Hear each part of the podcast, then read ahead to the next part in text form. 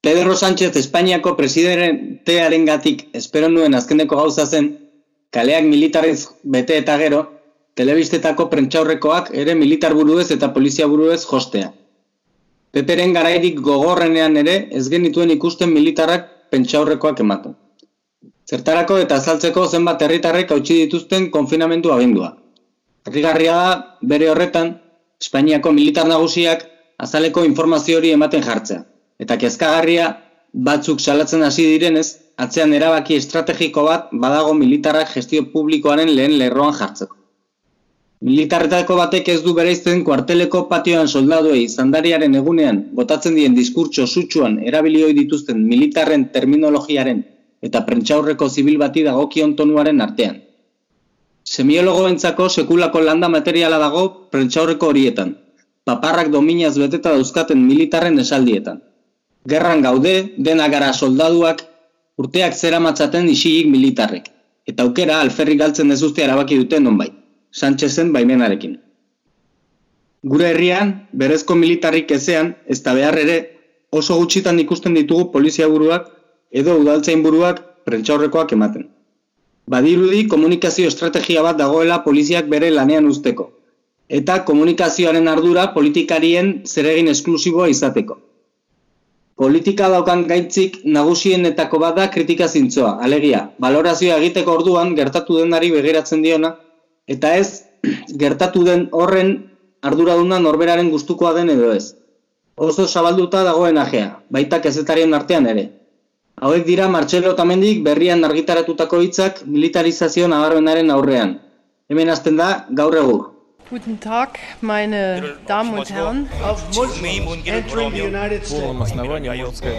C'est la lutte contre le terrorisme.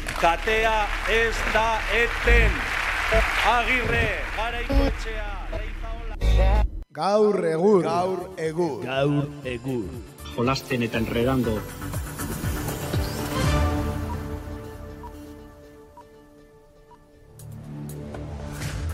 Kaixo entzule, hemen gaude berriz ere, gaur egur, etxetik, eh? Etxetik gaur egur, bigarren irratsaioa, eh? Pandemia edo izurrite zoro honen barnean, eta ez da gizemuz doa gizue, konfinamendua. Ba, txaldeon, bueno, hemen txe, e, aztertuta nahi lanera ez dugula joan behar gainera kontutan hartuta, ba, ordu gehiago libre ez, irratsaioan inbertitzeko. Bai, hori da, zuetzea izango polizia lanetan nahi dan horietako bat, ara? Denbora pasa traketx hori hartu honetako bat etzea izango, ala? Ez, ez, ez daukat polizia izaeran ere barne-barnean. Eh, ikusi ditugu, ikusi ditugu jendeek, eh? batzuk afizio hori hartu dutela. Eh? Ba, ni, ni, ni neu, ni neu. Eh, Konfinamenduak gaitz asko ekartzen ditu berekin eta eta bat hori izan da egia esan. Bai, bai. Bueno, Militarizazioaren da poliziaren virusa, ia koronavirusa baino azkarrago edatu da, eh? bai, bai, bai, nahi horrek eh, ge- gehiago kezkatzen ditu, bai, beste virusa baino, hori izan. Bai. E horrek eh, sendatzeko komplikazio gehiago ekarriko ditu. Hori da, zene daki, eh? hemen diran promozio berriak eh, ateako teien, eh? eh? Bai, ba, gizue, arkauten beti dago lekua. Bai. Eta, eta ez bakarrik arkauten. Hori da. Ez, ez. Bai, zean, e, umen eta loiolan eta itxaurrondon toki askotan, bai. Bai, eta mu, eh, uda, municipaletxe askotan bai, eh? Zaikoiek bai asko eh, ikusten nahi danez galoiak ere hartzen nahi die, eh? Bat baino gehiago. bai, bai. Akaso exotikoen bat genarmeriara zuzenduko da, nendik aurrea ere. Bai, bai, eta gaina sortietan, sortietan e, erizaine eta mediku ez gain, e, badirudi poliziai etxalo egiten diela jendeak. Edo baita poliziak hori nahi duela, ez?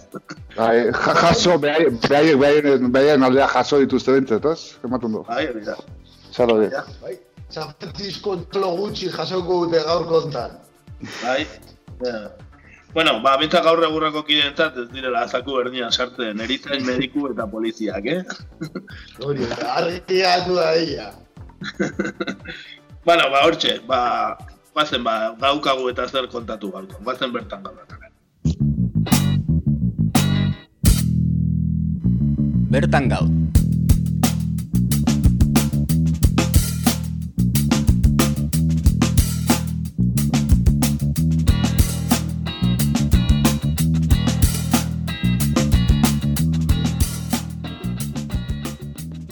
Gaurkoan aspalditik heldu nahi genion kontu bat ekarri dugu bertan gaur atalera.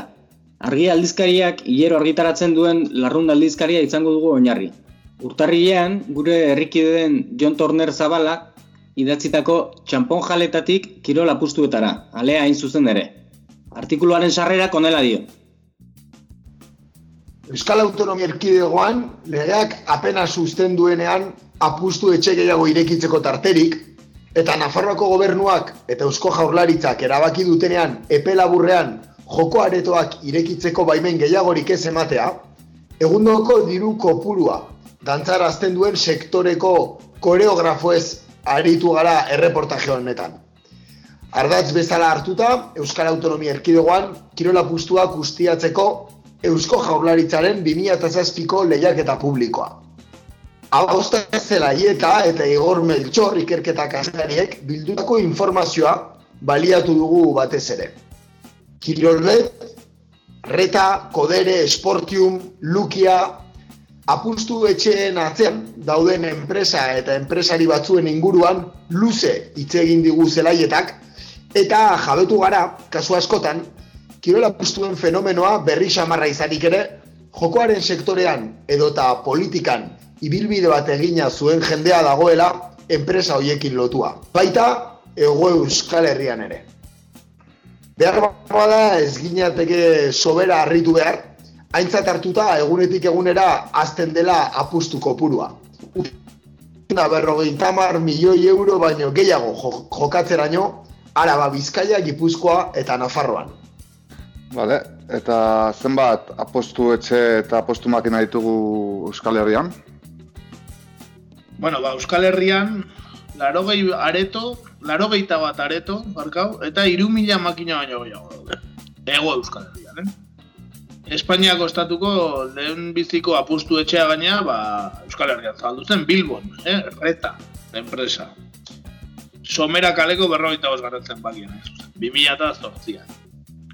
Kirol apustuak dira, ba hori, e, ausazko jokoen artean azken urteetan ba, gehien hasi direnak, ez da? E, dena den txampon makinak eta estatuaren menpe dauden loteriak eta kinielak ere badaude eta oraindik beraie dira nagusi. Jokatutako diru kopuruari dagokienez, ezinezkoa zifra zehatza ematea. Autonomia erkidegoaren kasuan esaterako kirola pustuak ustiatzeko lizentzia duten hiru enpresen datua bildu daitezke, baina horiek, karo, gehitu behar zaizkie, ba, atzerritik, ba, adibidez zerga politika leunagoa dauden, ba, Malta edo Gibraltarre eh, bezalako lekutatik operatzen duten enpresei dagozkienak. Orduan, ba, ez da erresa, benetako kopurua jakitea. Esan bezala, laro gita bat apostu etxe daude Euskal Herrian, iruro gehieta amabi daude autonomia erkidegoan, e, eta legeak iruro amabos baimentzen ditu, hasi que ia ia legea baimentzen dituen guztiak daude. Eta hori gehitu bat ezkide, berreun da amar joko areto, hauetan lizentzia guztia gado beteta, ez dago lizentzia gu gehiago ematerik, legez. Bi kasino ere badaude, Bilbon bat eta Donostian beste bat, eta amalau bingo. Nafarroan behatzi apustu etxe daude, berrogeita mar joko areto eta hiru bingo. Eta hori guztietatik erdia baino gehiago, iruñan daude, Nafarroan. 2008an, hogeita zortzi areto ez dauden herrialde osoan. Ego Euskal Herrian, iru mila berreun makina baino gehiago daude. Joku makinak iru mila berreun baino gehiago daude Euskal Herrian. E, EAN 2000 eta egun apostu makina, e, tabernetan da jatetxetan da aurkitzen ditugun horietakoak. Eta e, 2000 eta zazpian lizentzia lortu zuten hiru enpresedek bakoitzak zazpireun da berrogeita mar makina dituzte eta Nafarroan mila ondo eta mezortzi, eh, mezortzi makik.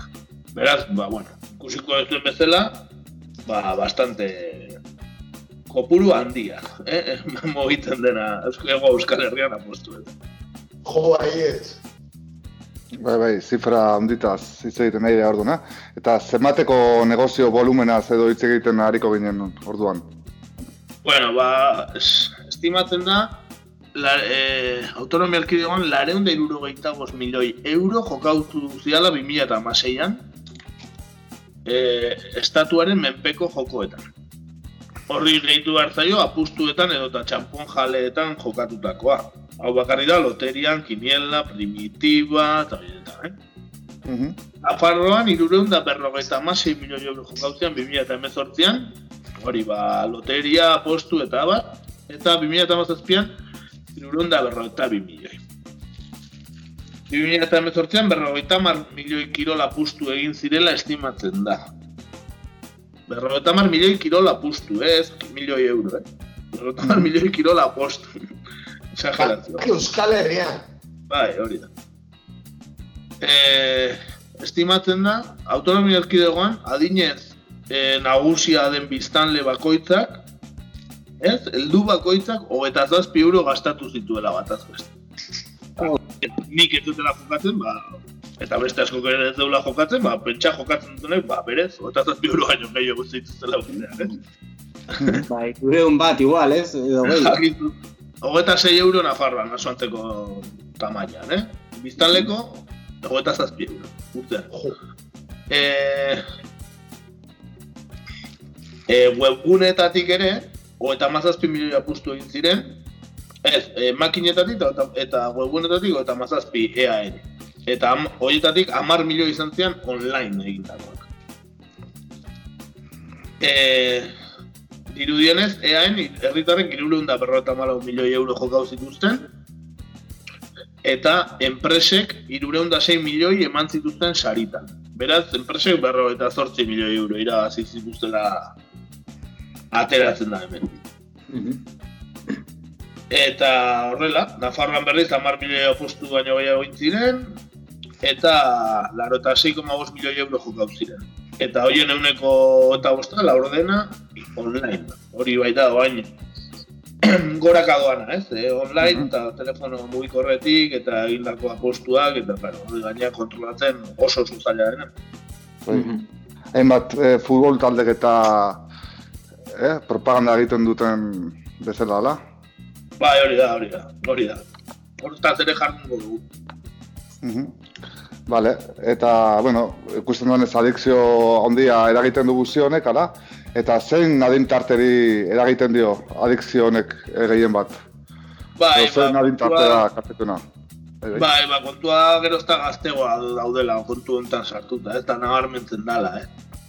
Adibidez, Nafarroan 2018an Aralar ludopaten elkarteak e, lehen da biziko jozuen herritarren erena kirola pustuaten aritzen zen. E, aritzen zela, ez? Ba, hori da, Aralar ludopat elkartera joan direnen erena ja zan e, kirola pustuetan ibiltzen zianak. Bizkaian ere antzeko, ez? Berrenda horreta masei lagunek jozuten ekintza alubiz elkartera duela sei urte baina iruro gaita mai, euneko iruro gaita mairu gehiago. Ez, ba, gora dator ludopatian, ba, hori kirola postuen eh, atala. Eta irutik batek emezortzi eta eta urte arte zituen, ez, beraz oso jende gaztea, eta ba, ludopatara beste ludopatia da, ba, beste erabatera heltzen direnak, ez, ez oiko mm. bidetatik, baizik eta ba, hori kirola postu hauetatik. Gipuzkoan ere berdin, e, e, laro eta magoz lagune jo zuten olako beste elkarte batera, eta eguneko laro eta marra gizonezkoak ziren. E, esaten du elkarte honek gainera, adikzio hauetan estimatizatua daudela emakumeak, eh? emakumeen kasuan estimatizatua daudela. Eta araban ere berdin, beraz, ba, hori, ikusten da, gazte, gazte jendeari eragiten diola, eta noski, ba, mugikorretatik eta bar, ba, kontrolatzen oso oso zailen fenomenoa dela. Mm Bai, eta e, azken garai hauetan asko hitz egin da, adibidez telebista batzuek nola postu etzen iragarkiek, e, iragarkirik ez duten onartuko, eta bueno, baita futbol talderen batek ere uko egin zion, eta alako kontuak ez. Eta zer, Hori da, ba, bai. Mhm. Bai, lehenko maiatzean, lehenko urtean, edatu ginen, Telemadridek egin bezala, ba, EITB ere jakinarazi zuela joko eta apustuen iragarkiak debekatuko zituela adikzioak eragiten duen kaltearen aurrean bereziki zaurgarrien diren pertsonak eskubideak babesteko. Hala esan zuen maite iturbe zuzendari nagusiak.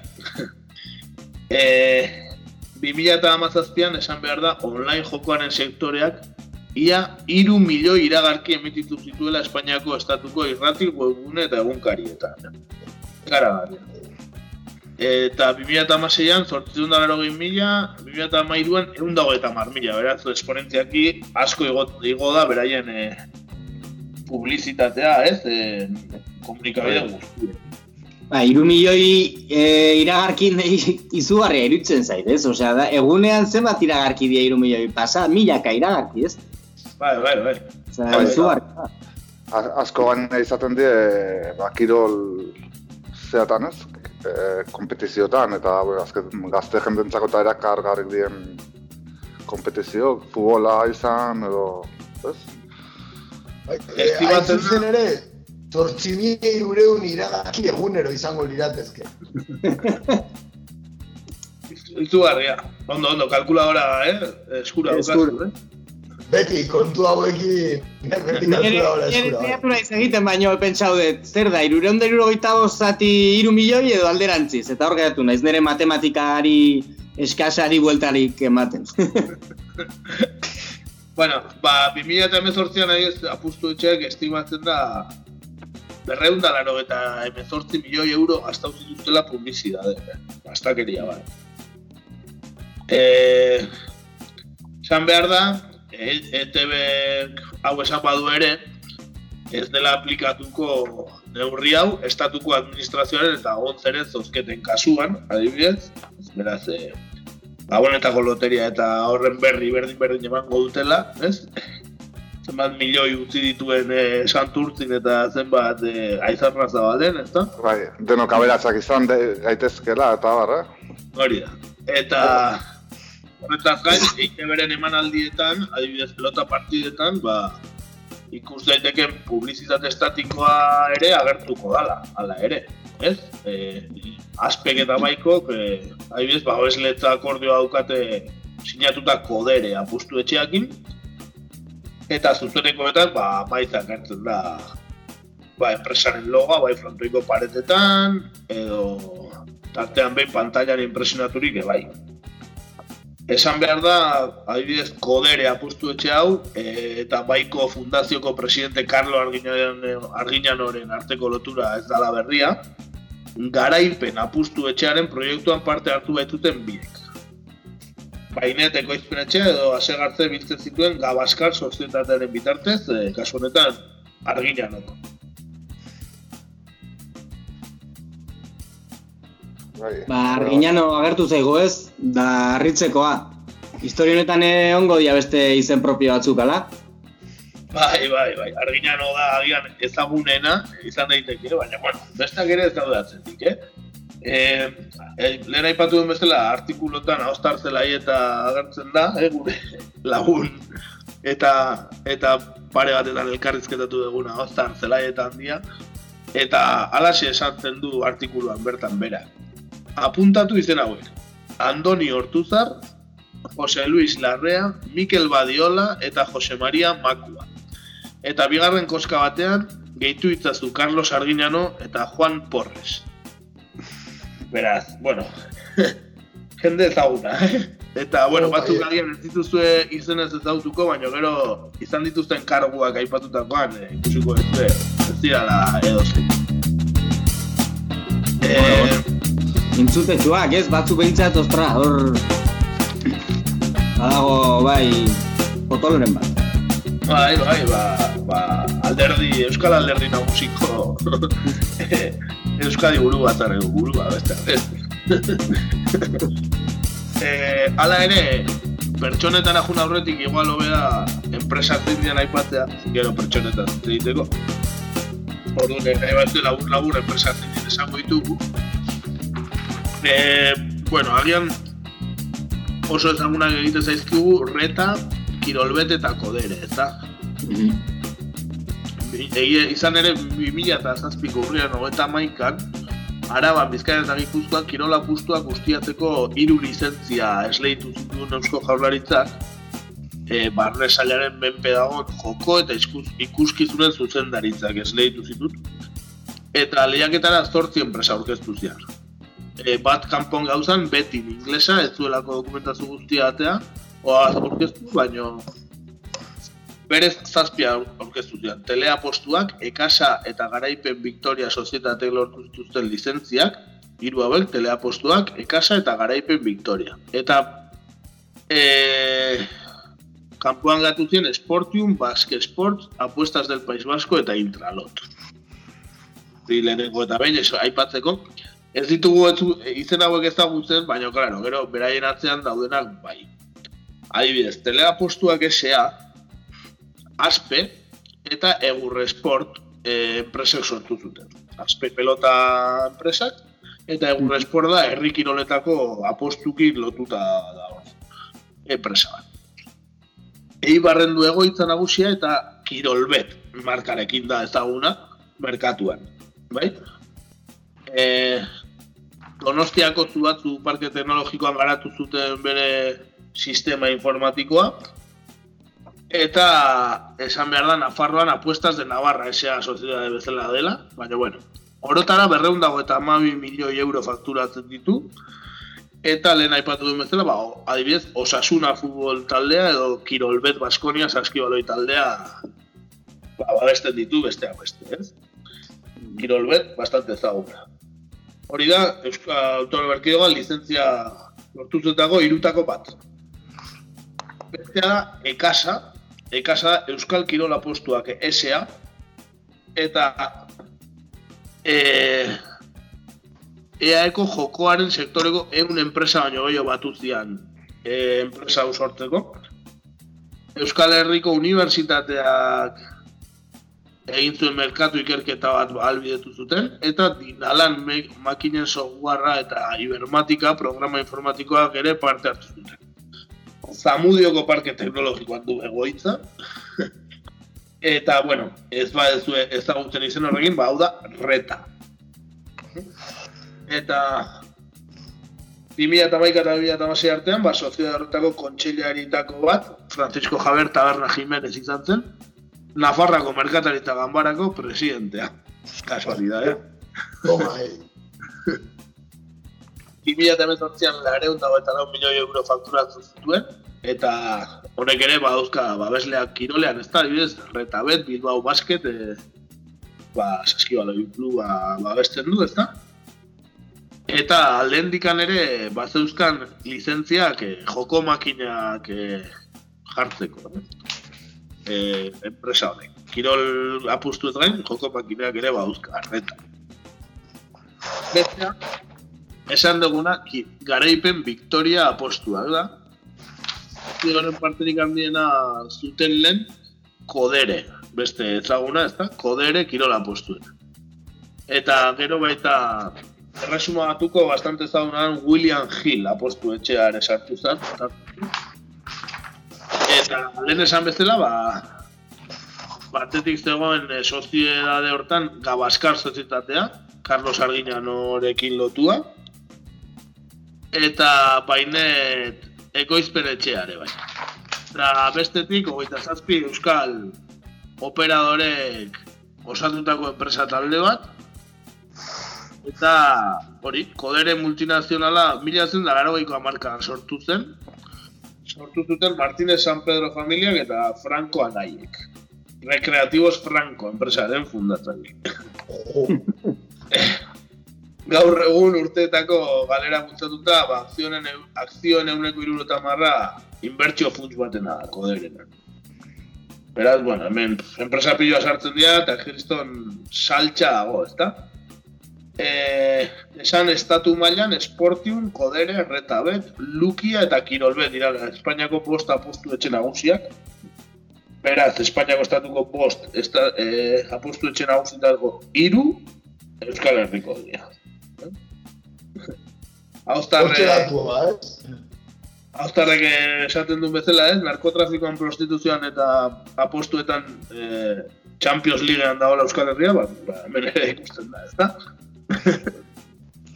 eh, esan... Orozko postuetan horre ala? Bai, hori da. Lehenengo, igual lehenengo. eta, ba, hori enpresei dagokionez, hause. Bai, bai. Bai, bueno. Zarrak berri, kontu enten, ara? Bai, bai. Da, enpresak ez hau ditugu, baino zentzu di enpresaren atzen dauden izen propioak. Bueno, ba, lehen aipatu dugun argina noz gain, esan ditugu ez da, dago Andoni Hortuzar, adibidez, eta? Hori da, importa segun izena. Bai, ba, esan behar ez dagoela eh, enpresa hauen atzean, Andoni Hortuzar. Andoni Hortuzar agertzen zen, EITB-ko zuzendari zen garaian, kidem kudeatze zerbitzua sozietatearen sorrera. Ez? E, EITB euneko emezortzioa zuen, akzioen euneko emezortzia, eta jokoaren eta kirola puzten sektoreko enpresa bat zen, EAJ-ko eta edabide publikoko zenbait kargurekin batera. Mm. Aostar zelaietak aipatzen du, adibidez, ba, Boton Bilbao, Bizkai buru batzarreko kidea zegola, Andoni Busquet, Busturiako alkate hoia, Itziar Epalza turismo sailburu orde hoi eta Euskadiko Parke Teknologikoetako zuzendari nagusia, eta adibidez Eduardo Barinaga, Baleuko produktorea sortzaile eta gaur egungo ETB-ko zuzendaria. Eta egoitza nagusia Zamudio zuen enpresan 2009an eten zuen jarduera. Eten intzuten jarduera, baina, bueno, aipatzen dute, ba, hori, bitza saiak erain zutela EAJ-tik, ba, kide hauek eh, mundu hortan sartzeko eta pixka probatzeko. Ez dakit, ba, ez zuten aurrera jarraitu, ez zuten interesatu, edo, edo, akordio bat. Nola? Ez, bakatu. Edo testaferro batzu dauzkaten gaur egun, ez? Beste batzuk beraien izenean operatzen duten. Bai, ez dakigu, baina behintzat hori egin zuten, e, hori, atzera bota zuten, baina saiakeratxoa egin zuten e, ala markada bat. edo. Eh? hori, Deigarria da ez nola eh, hasieran aipatu dituzu enpresen izenak, eh, bueno, izen fiskalak nola baita esateko, eta ez, eh, ze zaila den ikertzea, ze enpresa den, ze, osea, ze guk reta eta kirolbez bezala ezagutzen dituguna, ba beste Victoria garaipen ez, eta gero horien atzen ba izenak eta ikertzea kriston lana da, ez? Osea, nahiko enrebesatua, esan nahi ba, bai, argi eta garbi, eta bakigu horre zeintzuk ibiltzen dian, ez, gu ez gaitzaten. Gure fuente fidedignoak. Hori da, Austar eta horrelakoak. Bueno, beste izen batzu dauzkagu, adibidez, eh, Jose Luis Larrea, eh, erretari dago lotuta, kirola, eako kirol apustuak ustiatzeko hiru lizentziatako bat eh, duen enpresa erreta, esan bezala. Eta Jose Luis Larrea buru zuen konpainiak, eh, ba, egin zuen eh, programa informatikoa, lehen esan duguna Ibermatika, eh? eta hau Jose Luis Larrea zen zuzendaria. Kontua, Jose Luis Larrea, larota maikatik larota magostera, Eusko Jaurlaritzako ogasun zailburua izan zala. Eh? eta larota masita larota meretzi bitartean eh, Euskaltel konpainiako presidentea ere, bai. Hori da? Ja, Pero, komertzialako sektorea. Bai, gero bakigu zein, eh, zein sartu zen bere partez, eh? eh, Euskaltelen, laro eta meretzian, eh? Ordu arte lehendakari izan zen argantza. Beraz, eh, imaginauz, eh, ze aste sartu. Bai, eta Espainiako Kirol Federazioan beha zan diru zainare, bai, ala? Ez dakit hau dan berdina, eh? Igual bai, Ah, vale. ez dakit, larrea bat zeon bai horre bai, baina vale. ez berdina. Ah, igual ez da berdina, bai, nazten nahiko nahi zai, bale, bale. Barkau, barkau. Eta gaina deskako barra hau, e, ogasun zailburu zen garaian, Euskal opor fiskalak bultzatu zituela, atzerriko inbertsioak eh, erakartzeko, eh? Montoro gintzun bezala, eh, Bai. Bai, bai. eh, jendea ekartzeko bere diru beltza, bueno, ba... Ogasun izanen. Hori. Eh? Bai, ogasun, eh, ogasun zailburu zen garaian. Hori da, hori da. E, eta, bueno, Europako batzordea legez kanpokotza jo zuela hori, eta... ba, Beraz, bueno, bere rekorri daukan pertsona baita ere, Jose Luis Larrea, elgoi bartara. Eh? Bestetik dauzkagu Mikel Badiola eta Juan Porres, bi abokatu dira, eta e, adibidez, e, Badiola, Mikel Badiola González, Eusko Jarretzeko Justizia Sailburu gorde izan zan. Beste ere, gobernuko kide bat, eh? E, hau, hauek kirolbeten atzean daude. Eta Eta hori, adibidez teleapostua konpainian Juan Porres Azkona abokatua kontratatzu zuen. Juan Porres Azkona Eusko Alkartasunako legebiltzarkide izan zen. E, laro gehieta zazpitik bibila eta bederatzira. Hau ere, legebiltzarkidea Eusko Alkartasunatik. E, eta lehendakaritza eta justizia salburua izan da. Oh e, Carlos Garaik etxea lendakari zela. Eta baita, arkauteko ertzaintzaren akademiako lehen zuzendari. Hace kurrikuluma, eh? Goro bila, bai. Eta hau gutxi balitz, zubieta erraustegia geratzeatik e, gora hauko zaten nola EH Bilduko bikargu prozesau zituzten eta abar, ezta? Ba, ba Juan Porres azkonaren e, ba, zeak, e, bere abokatu bufetak edo defenditu zuen e, Gipuzkoako ondakiren kontsortzioa kontu horretan. Osa, akusazio bezala jardu zuten akala? Hori, erraustegiaren aldeko kontuetan, ba, bea egon beraz, e, bueno. Hemen, ia, ia, ez daigu, ia ez falta ateratzen, eh? Ez daigu, gobernuko kideak, erraustegiak, kirola, apostuak, ez daigu ez zer falta, eh? eh, azkenik aipatzeko daude baita dago Jose Maria Makua Jose Maria Makua Zarandonaren semea eh, diputatu izana eh? Bizkaiako diputatu eta aletikeko presidente izan zen Fernando García Makuaren lehen guztua Vale, Zer ze falta bat egun, aletik, ere esan.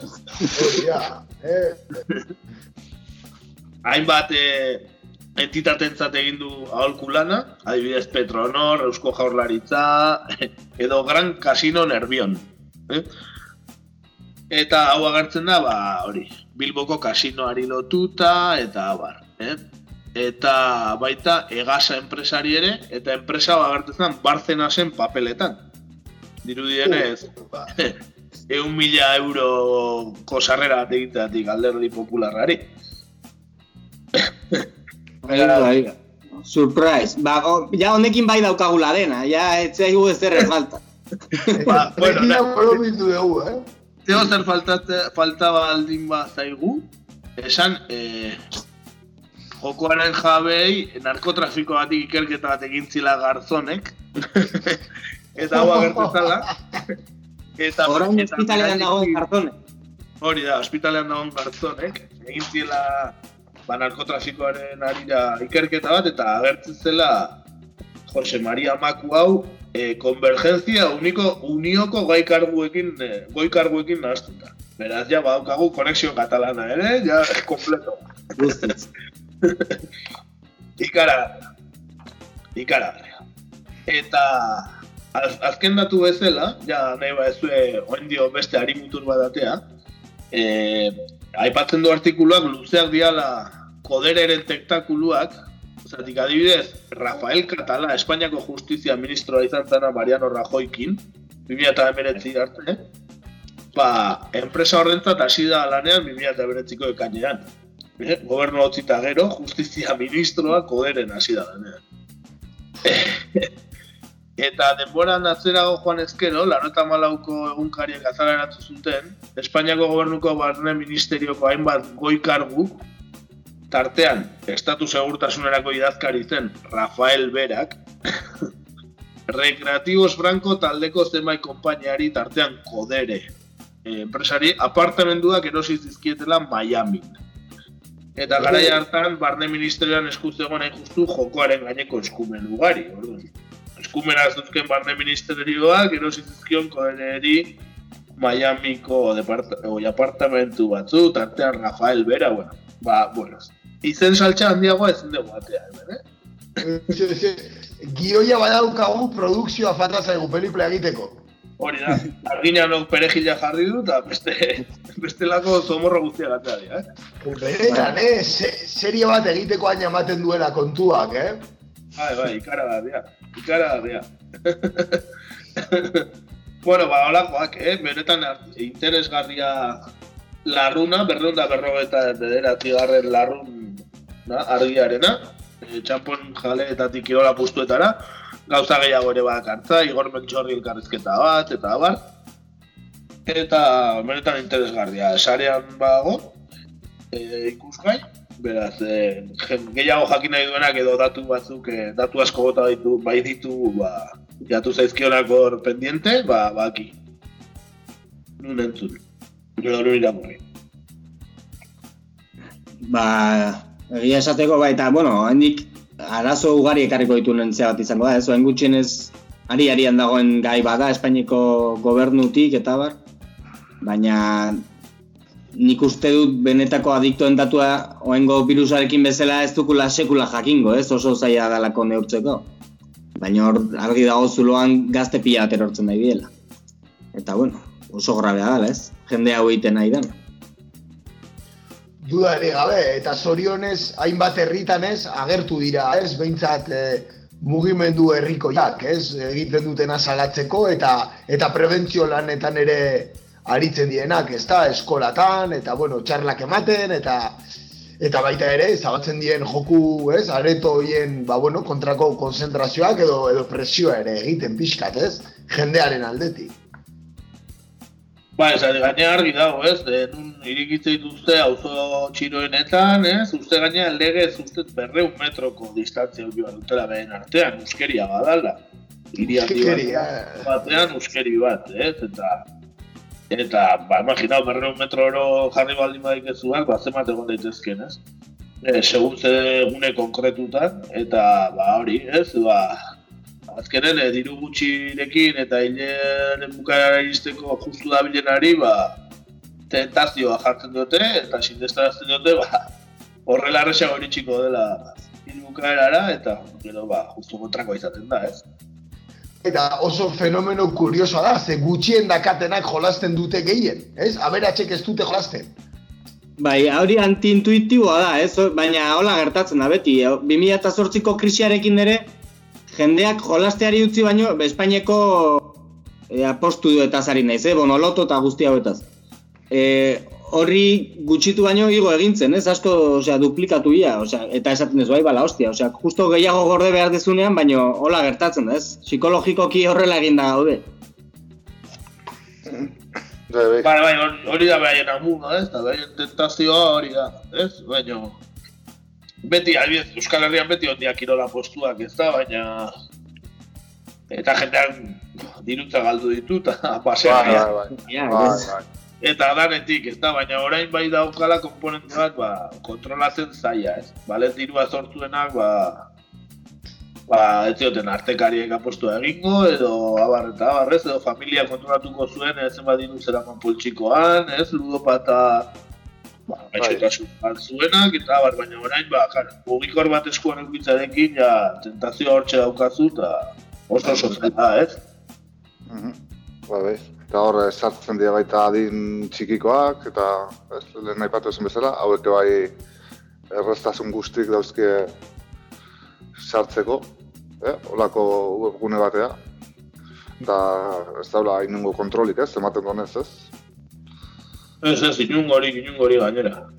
Ba hori xe, ba gai beretan gogorra, baina bueno, nahikoa luzatu gala uste dut, así que Bai. jarrai dezagun. Guazen nazio artera.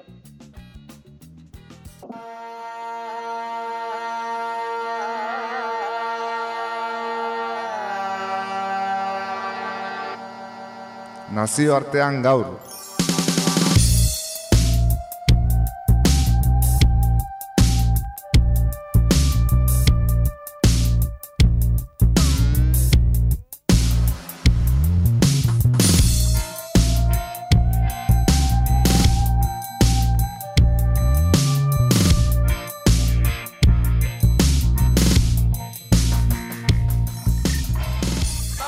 Bueno, ba, nazioartean gaur e, Afrikara bidaiatuko du.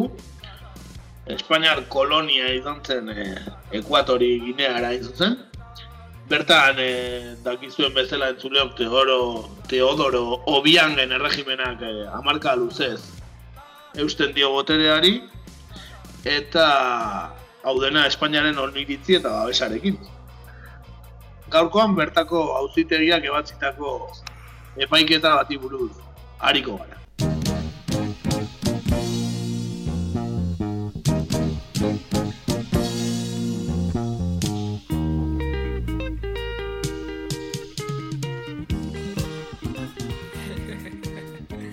Ekuatore Gineako auzitegi militar batek, larogeita eta irurogei arteko kartzela zigorrak, ezarri dizkie Feliciano Efa eta Julio Obama Espainiar Ekuato Ginearrei, urren ez urren. Eta larogeita urteko kartzela zigorrak berriz Bienvenido Dong eta Martino Biag Ekuato Ginearrei.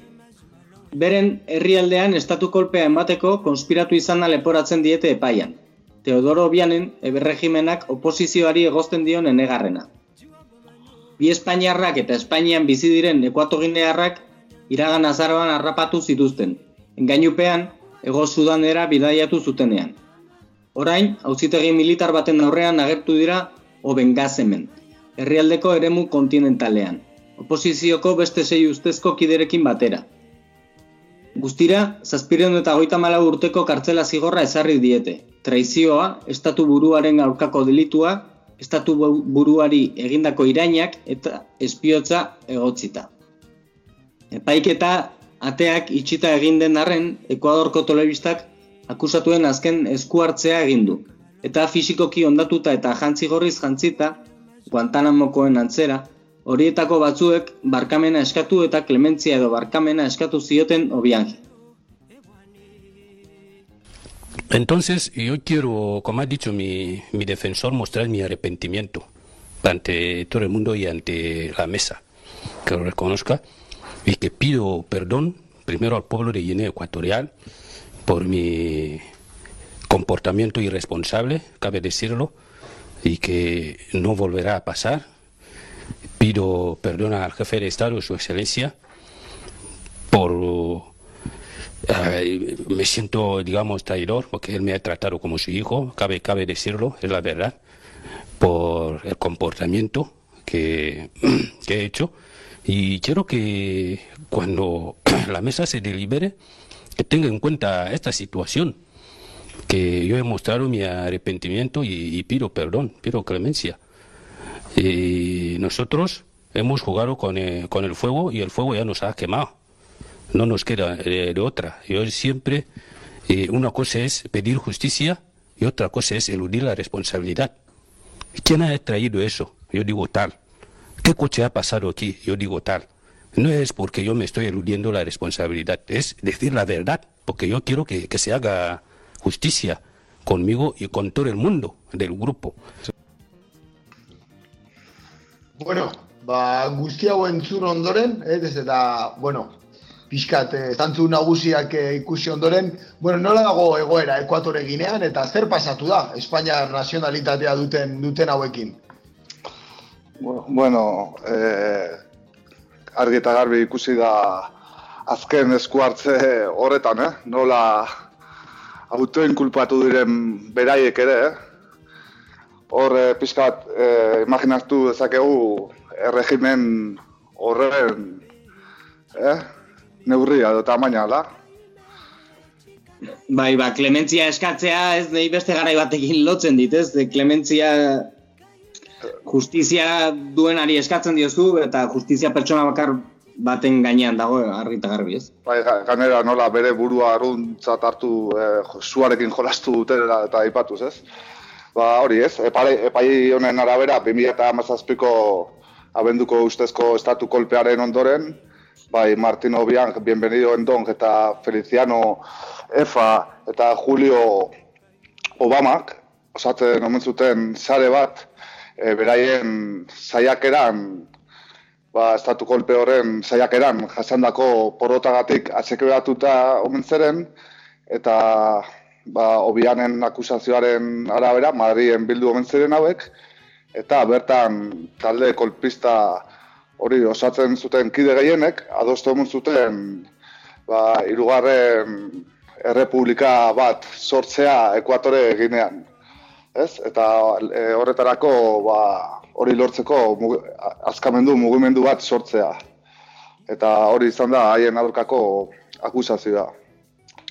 Eta ba, epaiak e, adibidez esaten du, e, nola Arun izeneko koronel txadiar batekin harremenetan jarri zen taldea, eta nor Kongo, Kamerun eta Gabonen arteko e, oianean borrokalari talde bat zutela behaiei babesteko. Eta aldi berean, Norbert Gazier frantziarrarekin ere harremenetan jarrita zerela, e, nork bere burua eskani dizuen estatu kolpe horretan parte hartzeko. Eta ondoren Frantzian egin omen zituzten hainbat bileratan, Gazier Frantziarronek operazioaren kostuaren euneko laro gehia e, bere gain hartzea onartuko luke, adibidez ego Sudanen armak erostea eta ba, mertzenario talde bat osatzea, e, torko zineko Ekuator Gineako gobernuan kontseiare kargu baten truke.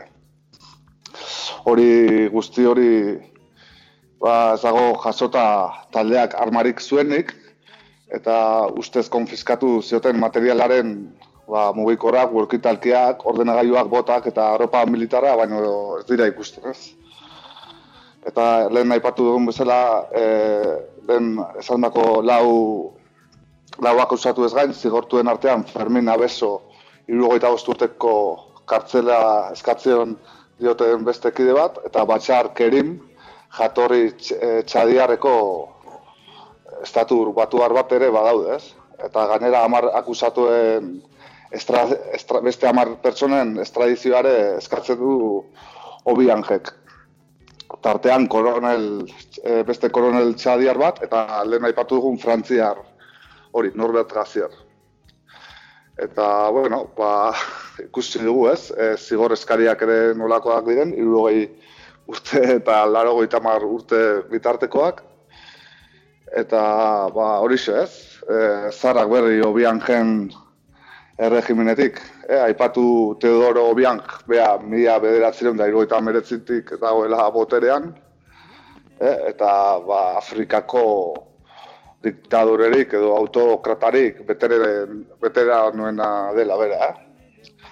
Eta hori xe, ba, guzti hau, oraingo epaiketa guzti hau, etorri da, ba, 2008an egon zen ustezko golpe zaiak. Eh? Eta baita e, astu zaita ipatzea, e, bi akusu, akusatuetako bi ere espetxean hil zirela, eh, azkeneko bi urte hauetan. Egoera latza, eh? Bai, bai, e, ekuatore gineako egoera oso oso latza da, eh? Oso egoera gogorra bizi dute bertan. Galdera bat, eh, Entzun dugun gizona, Martin Obian zan zertzen, Teodoren, Teodororen zeo zer? Ez, ez, ez, ez auke zer ikusirik, eh? La familia, Ez, ez. Berta, koment, Teodoro Obian jez, Afrikako autokrata, bueno, luzen, ez, kargoan daman autokrata dela, berrogeita bat urte ondoren, bere regimenan nola dago momentu honetan? Bueno, eh, aipatu pizka bat, eh, Ekuatorekin dira, media behatzen da, irugaita zortziko urriaren amabian independizatu zen Espainiatik, eh? eta ja, e, bertatik, e, bueno, irugaita margaren urtean ja, Francisco Macias Engema, estatu kolpe baten bidez, botere aldu zen, ez? E, Engema Teodoro Obianen osaba zen, eh? eta e, e, ba, irugaita mar eta irugaita merezigarren urtean, diktadura oso zorrotz bat eta gogor bat ezarri zuen ekuatore ginean. E, Teodoro obian bera ere parte zen, e, ejertzitoko buru zen garai hortan, eta baita espetxe bat ere berak kudeatu zuen. Ezaten denez, ekuatore gineako e, espetxe gogorrena. Eh? Eta ba, pizka bat e, aipatu, e, esan duen bezala, irugaita meretzean iritsi zen obian boterera, irugaita meretzko guztuaren iruan, e, bera e, lehen maipatu bezala Maziaz engemaren teniente koronela zen, e, bere ejerzituan. E, Zabaren aurkako estatu kolpe bat burutu zuen, eta bera jarri zen boterean, e, gaur egun arte. Eta, ba, fiska bat aipatu, e, Eukatorio, oza, barkatu, Teodoro Obian, eh, frankismoan ez gizona dela, eh? E, bere ikasketak ekuatore ginean egin zituen, e, lasai ede batan ikastetzean, lan basiergoa ikasi zuen, irugoiko amarkada zieran, eta e, irugoita iruan e, lasaietarrek, e, arraiek e, gomendatuta, Zaragozako Akademia Militarrean beka bat lortu zuen, no? Eta han egin zen militara gure hobian, non guardia kolonialeko kuadro beltzetan trebatzen hasi zen, eh? han armada frankistaren estilorik puruenean, eta bere prestakuntza ba, bere eskalan gora, gora joanez, ba, teniente koronela izan, eta ondoren, ba, presidente, kolpe hori bidez, ba, presidente zara iritsi zen. Eta hori, pixka bat, e, ba, Zaragozako kuarteleko eskolakoa dela, eh, edo Zaragozako akademiako eskolakoa dela, eta hori, e, frankismoko eskolakoa dela, hobian. Eh, okerrez banago tradizioari jarraituz bere semeak iruñako opus deian ikasi zuen, bai? Beraz, ba irudi, bueno, tradizioari bai fidel mantendu dira, eh, obiaintarrak. Bai, Teodorin deitzen dute, eh, semeari eta bai e, etorkezineko presidentea izango da. Gauztak asko ez behar dira aldatzen. Da, ikustean ez Euskal Herrian iruñan ikasitako omen da, bai. E, bueno, dena den, bueno, Teodoro Bianj eta, ez, Ekuatore Ginearen historiari buelta bat eman diogu, baina, bueno, Espainiaren papera ere oso garrantzitsua izan da, ez, bai, iraganean eta bai gaur egun arte, ez da? Bai, nola, Espainiar kolonia izan zen, eh, irugoita zortzi garren urte arte, ba, gero esan daiteke, ba, Espainiak abandonatu gintzuela erabat, Ekuatore Ginea, eta ba, frankismoan ez ditako militar batzuen esku utzi zuen herrialdea, eh? obian bera. Eta, bueno, e, gaur egun adibidez, e, esaten denez, munduko luralderik e, itxienetakoa da ekuatore ginea, itxienaz bada, eh? E, ia zinezko da bertara sartzeko baimena lortzea, e, bueno, zer ez kazetariek eta barrek ez, e, ezin ezka dutela bertan sartzea, eta e, sartu lortzea sartu duten gutxi horiek, ba, kontatzen duten ez, ez, ba, bertara joatea da, ba, frankismora bideiatzea bezala, eh? Osa, era bat, e, bai komunikabien dagoen kontrola, ahi ez, e, nabar dute, ba, e, ba, prentsa eta hori erabat zentzuratuta dago, e, liburu dendak eta liburutegiak eh, ez omen dira existitu egiten herrialdean. Eh? Izugarrizko polizia kontrola eh, dago. Eh, eta hori, eh? ba, bertara bideiatzea lortu dutenak eta gaina frankismoa ezagutu duten gutxi batzuk eh, ba, kontatzen duten ez eh, frankismo afrikara dela, eh? Estar, eh, vamos, puru-puruan, eh? egoera puru-puruan. Hore zagarezun, frankismo tropikala, eh? bai, bai, bai, bai, bai. Eta, ba, ikusterea besterik ez dago, e, epaiketa, ez, e, oan jarraitu dugun epaiketa guztia hau eta ez, e, untaia izango den horatzean dagoen guzti hori. On, beraiek haunto irkupatuak izan diren, eta, bueno, ba, beste bat gehiago, ez? Obian jen erregimenean. Eta aipatu gara, bai, ba, Espainiak eh, adibidez eh, nola asko gustatzen zaion adibidez Latinoamerikako beste estatuetan esku sartzea eta bar, ez? Ba, ematen dunez, Ekuatore Ginea zaio asola, zaio bat ere asola, e, diktadore batzuen eskuetan egotea, eta ba hori, e, adibidez, e, aipatzearen, urriarek amabian, urriak amabian, Ganea, Espainiak eh, Frankok nahi eta jarri zuen independentzia eh, data bezala, ez? Beraiek gogoratzeko bere iragan Espainiarra, eh? urriaren amabia da, beraien independentzia data, eta urtero joate omen da, Espainiar ejertzitua adibidez, bertara desfilatzea, eh? Osea, kontua gatea. Osea, ba, badago harreman bat e, bi armaden artean, eta badago lotura bat, oraindik badago, lotura... E, bai, militar. Bai, bai. Polonia zantzua dauzkana. Bai, eta segurazki interes ekonomikoak eta egongo direla, ez? Zatik, e, pizkat, e, e, fijatzen bazate, e, azkeneko urte hauetan adibidez, e, asko eraiki da ekuatore ginean, e, ikusiko dituzte, ba, e, erakuntza moderno, la etxe, etxe horratzak eta asko gendirela eta e, birudien ez horratzean daudenak Espainiar enpresak direla. Eh? Osea, segurazki komeniko zaie erregimenak urten luzetan irautea hemengo enpresari batzuei. Bai. Zerri begira turismoari edo? Ez, ez, ez, ez, ez, e, ba, bai, ba, bulegoak eta, bai, irakuntza, ba, goi, goi karguentzako, eh izugarrizko eraikinak eta bai bai bai ba, gobernantzako eraikinak za bai bai ez e, jendesea ba, oso txiroa da bertan eh? eta ez dago informazio gehiagi gehiagirik nola ez dagoen ez beraien bizimoduaz eh? bueno, bueno, takigunez errepresioa bintzat izugarria da dena entze gutxe entzuten dan, ez? Ekuatore gineataz, beste herrialde batzuta entzuten denaren alboan, ez da? Mhm. Ez, herrialde oso hermetikoa, oso itxia, bueno, zenbatetan entzungo genuen ipar koreataz hitz egiten, eta eta ze gutxitan ekuatore gineataz, ez da? Hori da, bai, bai. Eta ba, gehiago kontutan hartuta, Espainia kolonia izan dela, ba, bain dela gutxi arte.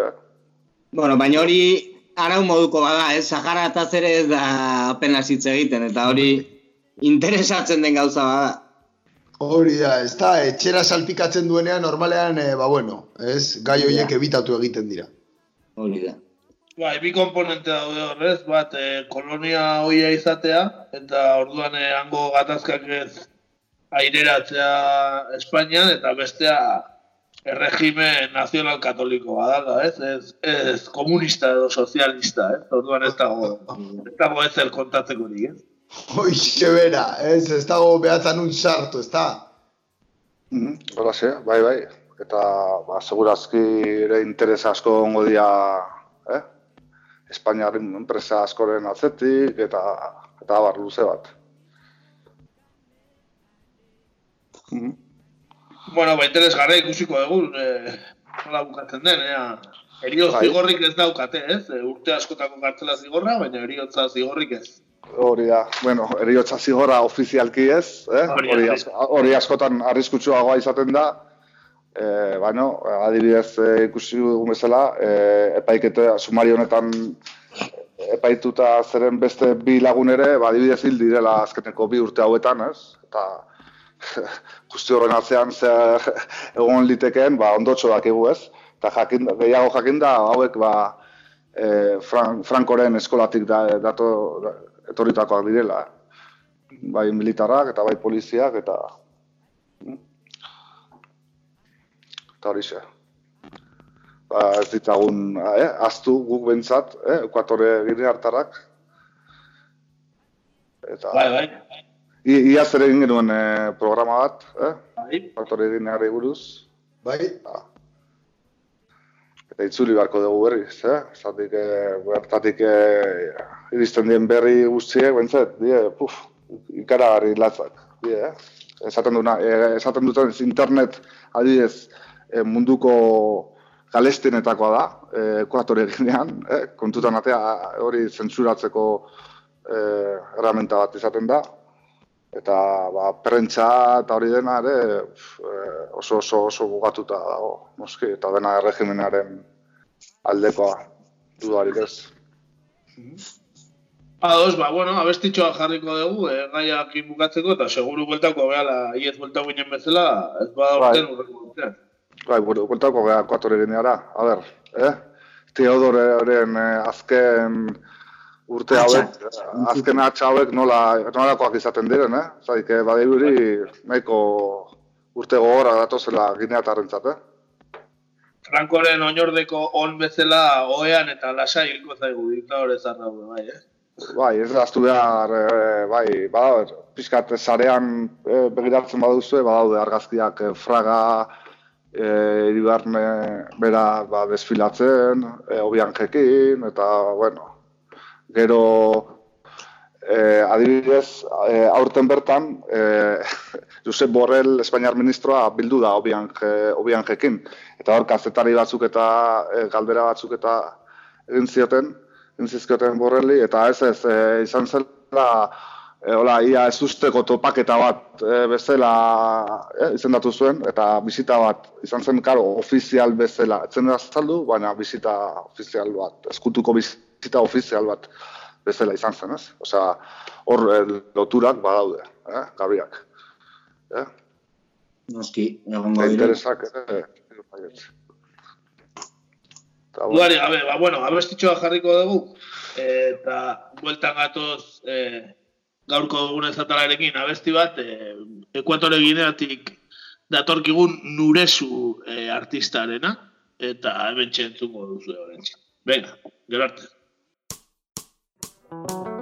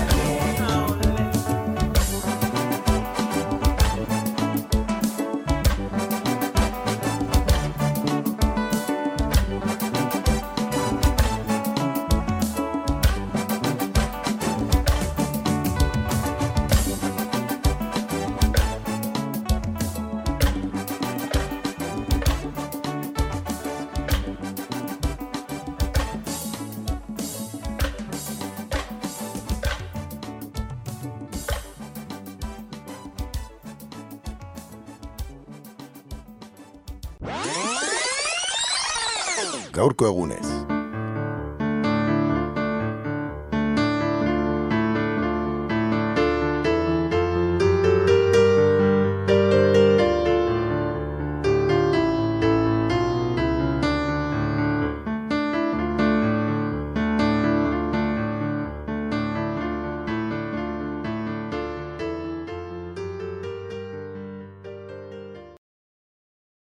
Федор, я один.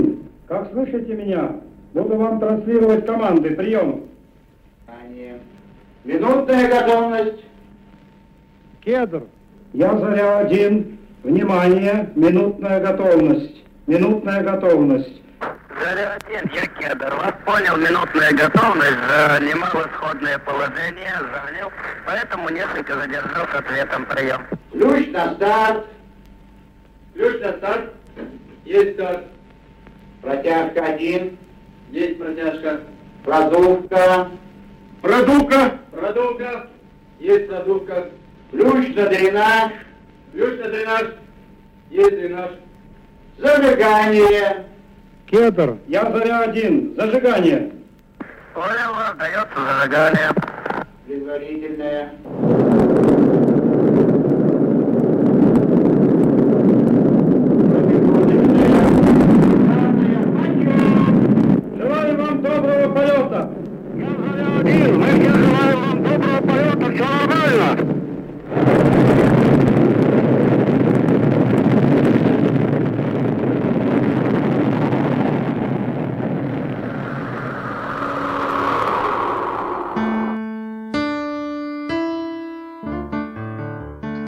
Entzun duguna, lorpen historiko baten hasiera izan zen, eta bere protagonistari buruz arituko gara.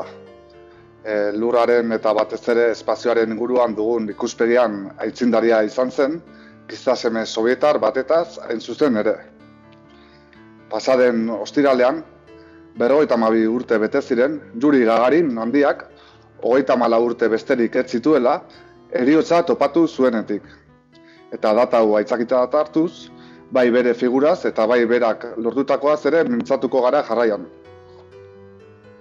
Bai, bueno, horrentzun ahal izan dugu, ez? E, Errusiera zendakienaren zaz, ba, ba, Juri Gagarin zen, ez da? E, e, ba, izketan, e, ba, kosmonautaren barruan, ozertzen, e, nola da, ez horri?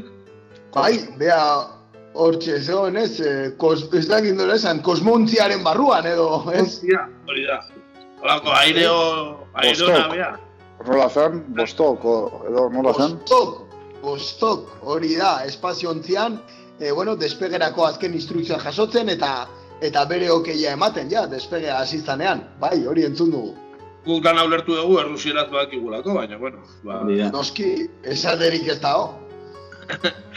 Bueno, eh, guazen pixka bere bizitza errepasatzera, eh, oso familia xume batek bazen Juri Gagarin, ezta? Eh, hortzaro gogorra izan zuela pentsa dezakegu. Ba bai, ba bai, haurtzaroa oso gogorra izan zuen. Bai, bera, bueno, mila bederatzerun da hogeita malauko martxoaren bederatzean, jaio zen Klusino, herriska txiki txiki batean, e, Smolensk eta Mosku artean aurkitzen herriska hontan, e, Errusiaren mendebaldean, eta, bueno, aita arotza zuen eta ama esne saltzailea. Bai, biek, e, bueno, kolkozean edo nekazaleko izpen kolektiboan egiten zuten lan, eta beste laua nahi arreba ere zituen Juri Gagarinek. Esan bezala oso, oso herri xumea zen, eh, Klusino ur eta argindarrik ez zegoen bertan. Eta mila bederatzireun da berrogeita batean, eh, Sovietar batasuna eta Alemania naziaren arteko gerra hasi zenean, ba Klusino bombardeatua izan zen. Mila bederatzireun da berrogeita biko amaieran, eh, naziek herriska okupatu zuen, Eta, ba, bueno, Gagarin familiak, e, bueno, nazien basakeriak sufritu behar izan zituen. E, bueno, esate baterako juriren anai txikia Boris, e, urkara eraman zuten naziek, eta bere amaren e, erreguen ondoren, ba, bueno, erdi hilda urkatik e, askatu zuten. Bere arreba, e, igitai batekin zauritu zuen e, soldadu alemaniar batek, e, oso zaurilarriak eukizituen honen ondorioz, Eta aita, e, errota batean sabotai bat burutzen ari zela, ba bueno, atzeman egin zuten, Eta emandako jipoiaren ondorioz, ba, bueno, bizitza osorako, ba, bueno, eh, ezin duta gelditu zen, hanka batetik. Beraz, bueno, nazien errepresioa pairat zuen eh, gagarin sendiak, Eta guzti hau gutxi balitz, ba, etxetik bota zituzten ere, eta, bueno, ba, mendimagal batean, e, aitzurtu zuten e, zulo batean, e, bizi izan ziren gerra amaitu zen arte. Mila bederatzerun da berrogeita hiluan, e, Valentin eta Zuia, juriren anai eta arreba nagusiak, Poloniara deportatu zituzten, SS atxilotu ondoren, eta e, gerra amaieran ikasiko zuen familiak oraindik bizirik zeudela, bai, eta bihali zituzten eh, lan ere mutik, ba, ies egitea lortu zutela. E, baita ere, sovietar soldaduekin e, batzea lortu zutela. Esan bezala, ba, oiz, ez, ba, bombardaketa eta gozetearen erdian, ba, juriren, juriren bizitza oso gogorra izan zen, baina egon zen, gertaera bat, ba, bueno, modu batean bere bizitza baldintzatu zuena, bai. E, bueno, erriskako, bai, e, klusinoko ume asko bezala, ba, bueno, jurik Alemaniarren aurkako txikietan parte hartzen zuen, eta egun batean, e, ondatutako eiza hegazkin sovietar bat, ba, klusinotik gertu erori zen. Bueno, ba, erriskako ume guztiak gerturatu zien, eta juriren e, begirapean, ba, bueno, minutu batzuk pasata beste hegazkin bat iritsi zen pilotoa e, erreskatatzeko, Eta bi pilotoetako batek, ba, juriri eiza hegazkinaren kontrolak edo erakutsi zizkion. Bai?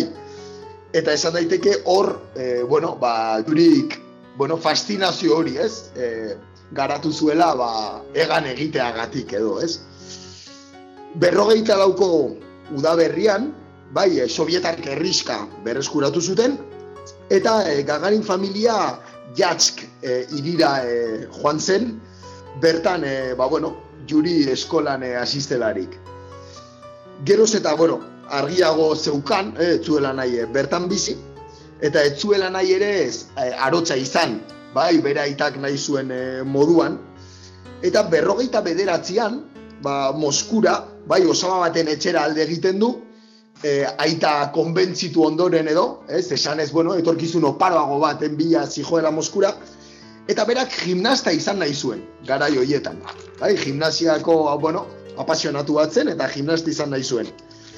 E, bueno, gimnasia eskoletan lekurik etzegoenez, ba, fundizioa, ez, fundizioko lanbideak ikasteko eskola batean apuntatu zen, eta emaitza bikainak, eh, lortu zituen bertan, eta horren ondorioz, e, Saratov, Instituto Tekniko Nekazarian, ba, bueno, hartu zuten e, juri garai horretan, bai?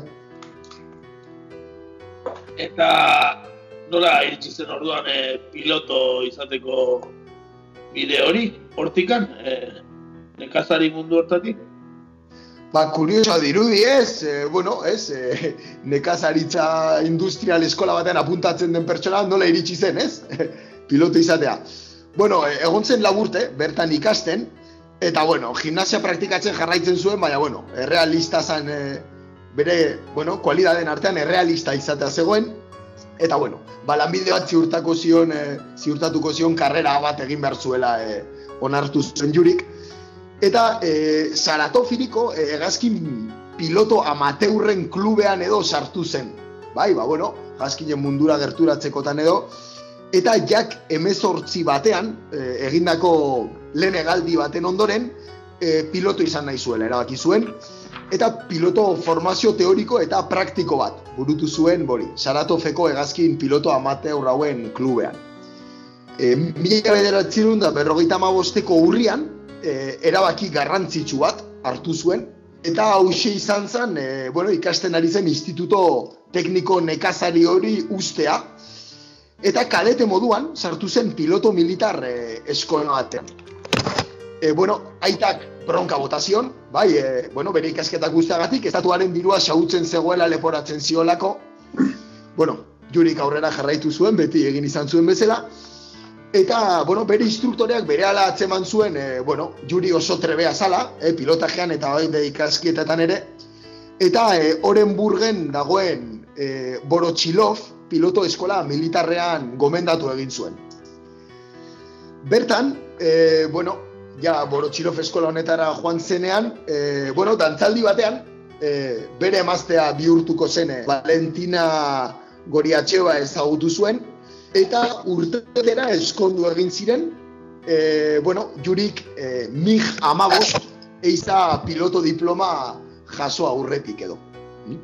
Izan bezala, bueno, ja eskonduta zeudenean, e, juri ja bere lizentzia zeukan, eta Norvegiako mugan, e, zirkulo artikoan, e, dagoen luostari e, basera destinatu zuten.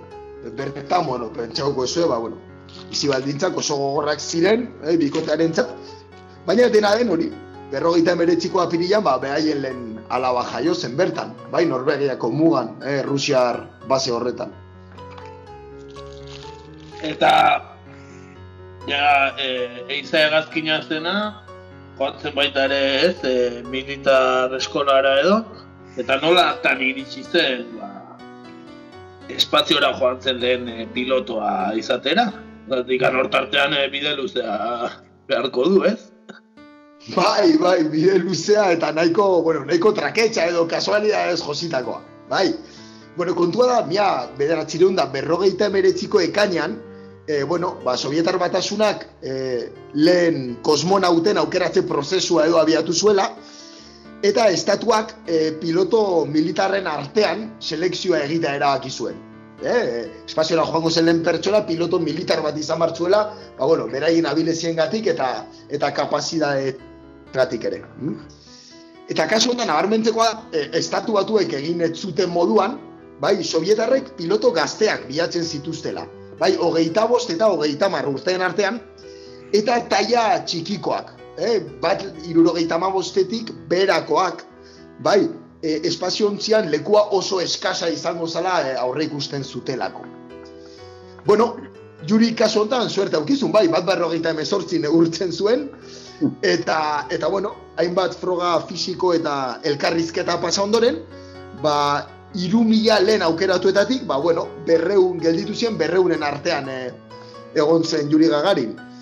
Bigarren selekzio bat ere pasa zuen, ei, mila bederatzireun da, da iruro gehiko otxaian, eta berreun horietatik hogeien artean ja gelditu zen. E, kontutan izan, e, jurik, bai, hogei hoien artean gelditu zen momentuan, e, berreunda berrogeita mar ordu egaldi bakarrik zituela, bai, miga amabos batean, etxaukan esperientzia gehiago, bai, beraz, bueno, esperientzia laburreko pertsona zala, bai, bueno, e, azterketak e, pasatzen dizkion medikoak, ba, bueno, maia pertsonal, fisiko, intelektual eta eta teknikoan, ba, bueno, iritzi bikaina bidaltzen dugu berataz, Eta aukeratuen artean, bai, hau da, hogei hauen artean, egingo den bozketa batean, e, gagarinek amazazpi bozka jasoko ditu. Bai, hau da, bere lehiakideen edo kideen artean, ba, bueno, amazazpi bozka jasoko ditu hogeitik, bera izan dadin e, lehenengoa espaziora juten edo, ez? Bueno, e, hor ja bostera murrizten da zenbakia, eta bueno, beste boskiderekin batera ja entrenamendua e, azten dute, e, bueno, paraxutan e, jauziak egiten dituzte, e, bostok espaziontziaren simuladore batean ere frogak egiten nazten dira, zentrifugadora famatuaren froga ere egiten dute, ba, G indarrak ez, nola asimilatzen dituzten e, ebaluatzeko, eta, bueno, ba, espaziontziaren e, funtzionamenduaren inguruko kursoak ere jarraitzen dituzte.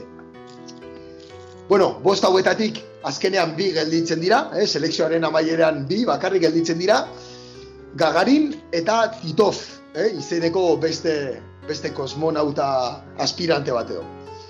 Eta, e, bueno, espazio agentziak, Sovietar Batasuneko espazia agentziak, Nikita Khrushchevi e, erabakitzeko eskatzen dio, nor bidaliko dugu, ez, hor gora, nor izango da lehenengoa.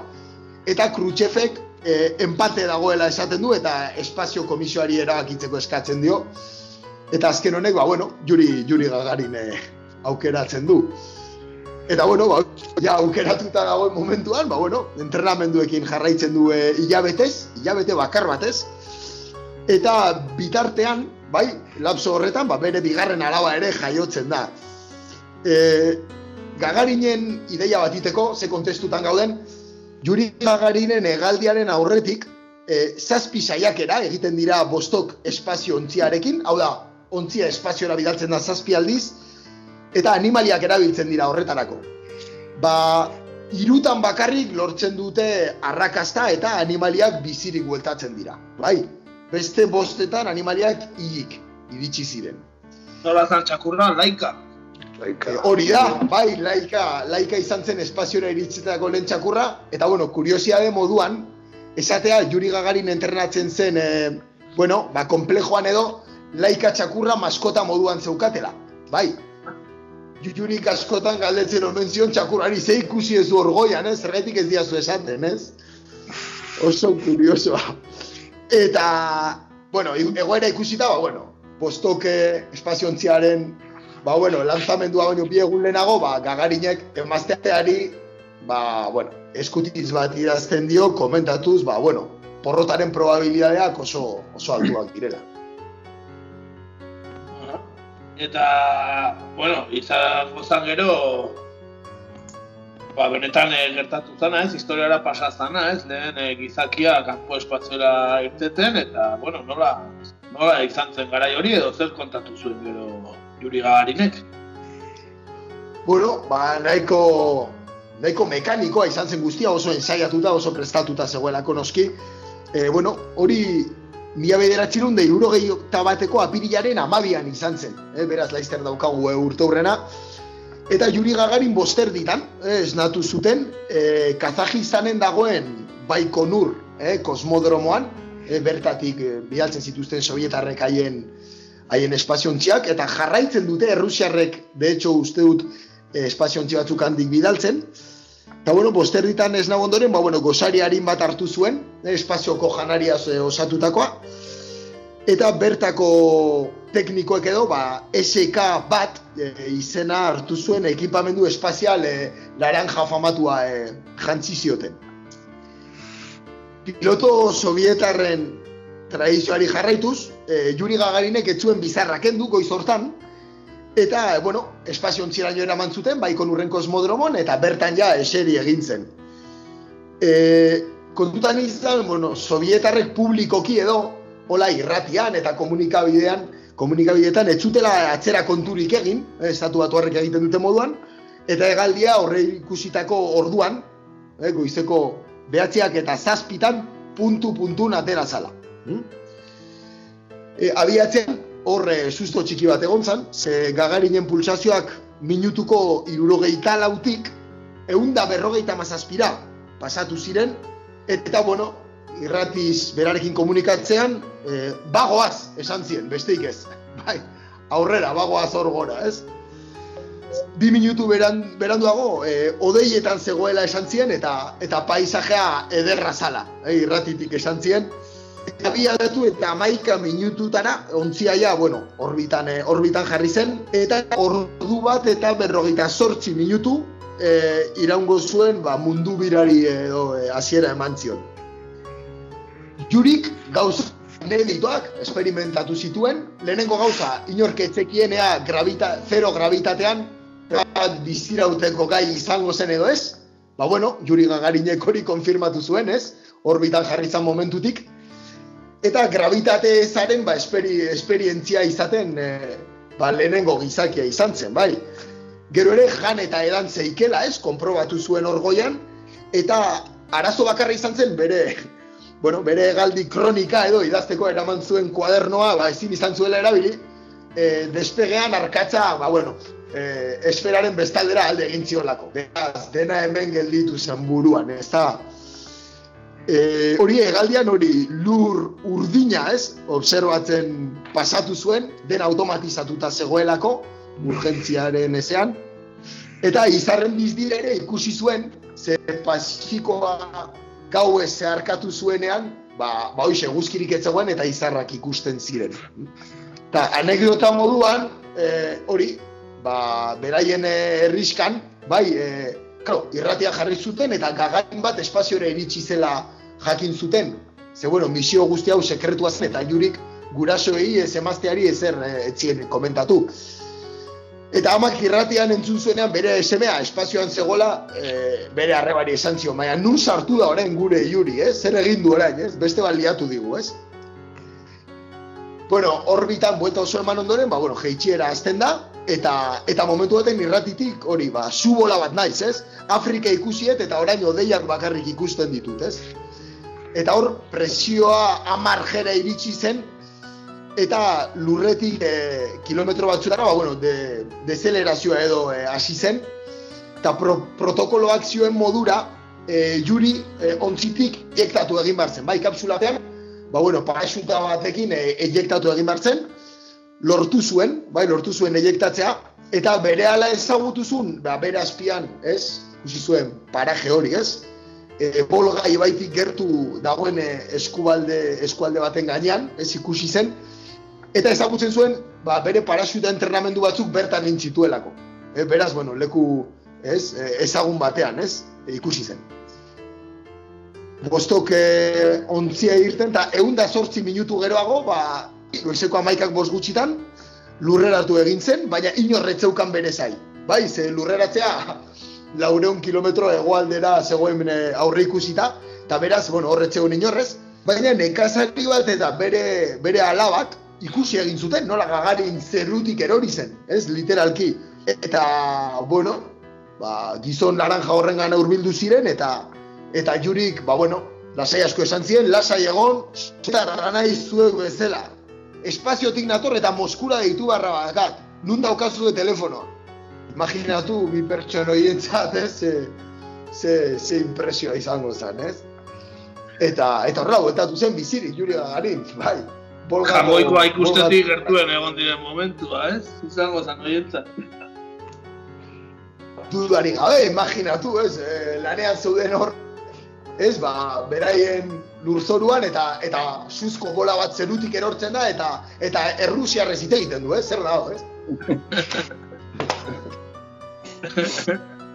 e, gero etorri ziren, noski, e, horrelako balentria egiten lehen gizona izanik, ba, suposatzeko hau bezala, ba, laudorioak, omenaldiak, eta bar, ez, gainera, e, gerra hotzarea puri-purian zegoen garaian, ba, horrelako, bueno, ba, espazioko gerra hori ere egon zen, ez da? Eta, hau lortutakoan, ba, pentsatzen dut, omenaldiak eta danetik egingo zizkiela. Pentsauko ezue, bai, karo, eh, espazioan egon dago pertsona bakarra zan, eta horrek gauza asko hausitan jartzen zituen. E, bi egun ondoren, rekuperaziorako denbora gutxi hartu zuen, Juri Gagarinek, e, bueno, Moskun e, omenaldia egin zioten, plaza gorrian hain zuzen ere, eta bertan egon ziren e, Nikita Khrushchev eta Leonid Brezhnev.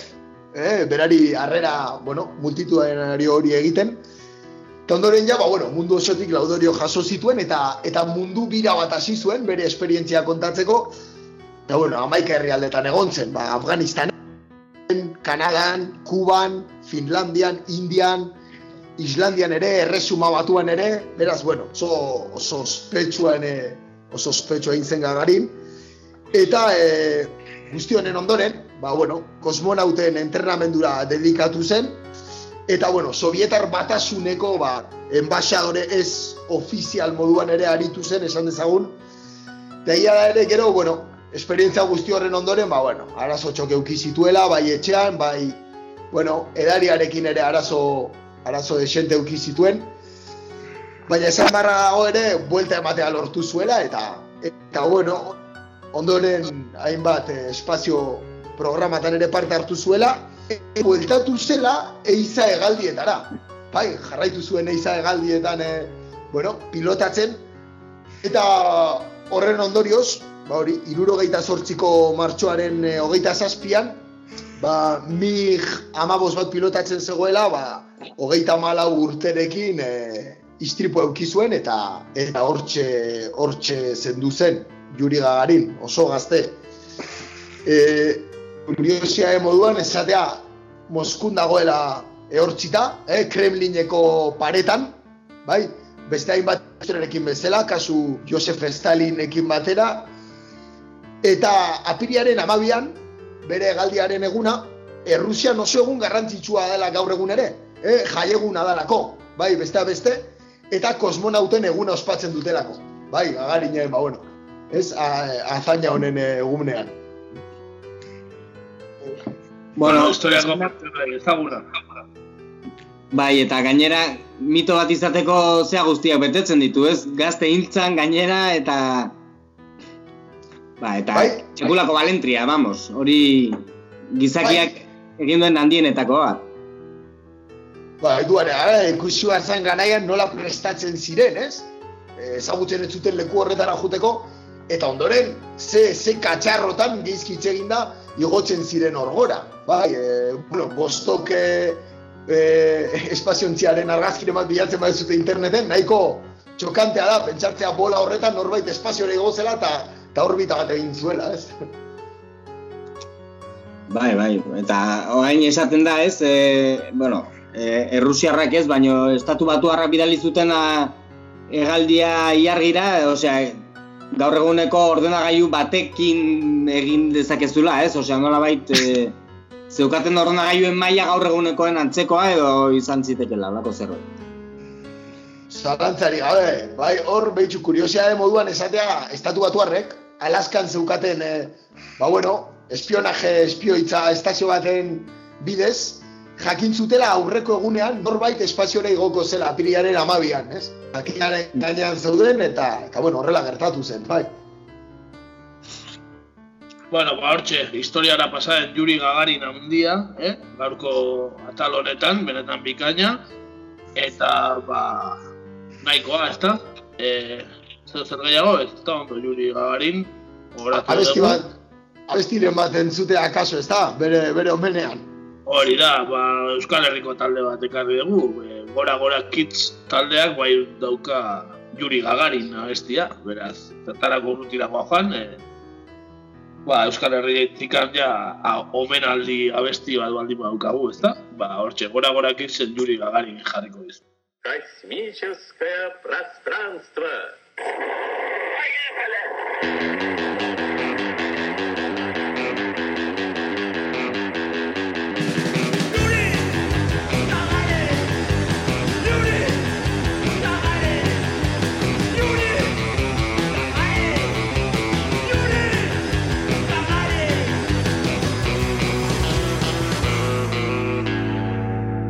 Lendabiziko gizakia izan zen espaziora irteten.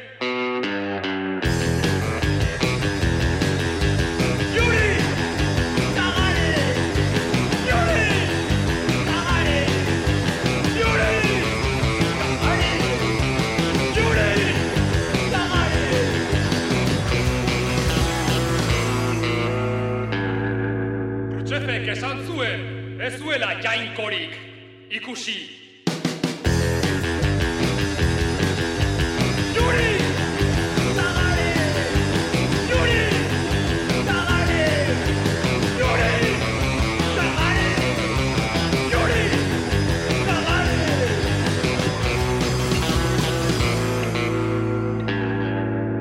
Batean joan zen espaziora, eta mik amabos batean hil zen lurraren kontra.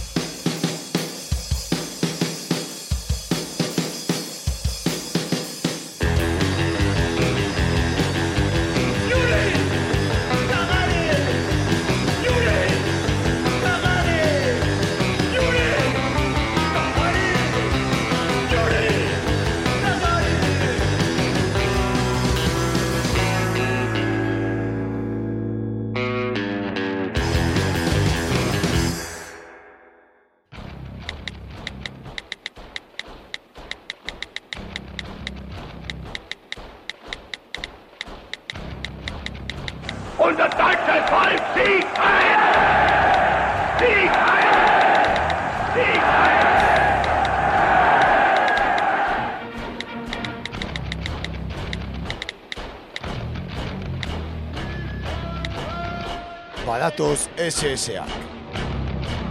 Sare sozialetan egur.